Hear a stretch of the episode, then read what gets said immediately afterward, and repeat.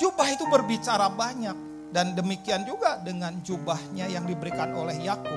Walaupun tidak sekental jubah Elisa, tapi jubah Yakub juga yang membuat Yusuf mendapatkan dua mimpi. Apa yang terjadi dalam mimpi itu? Dalam mimpi itu dinyatakan bahwa Yusuf bermimpi dan mimpi itu berasal dari Tuhan.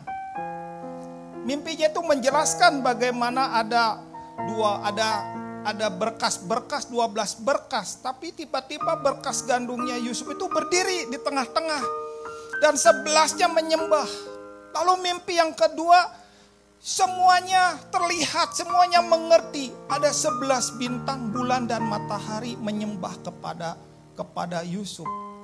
Itu mimpi yang mudah diterka bahwa nanti saudara-saudaranya akan menyembah atau nanti Yusuf ini akan menjadi kepala atas keluarga Yakub. Bahkan Yakub dan mamahnya pun akan sujud mengakui bahwa Yusuf ini adalah yang dipakai Tuhan. Cuma salahnya apa? Dia menganggap setelah mimpi besok pagi terjadi. Itu salahnya.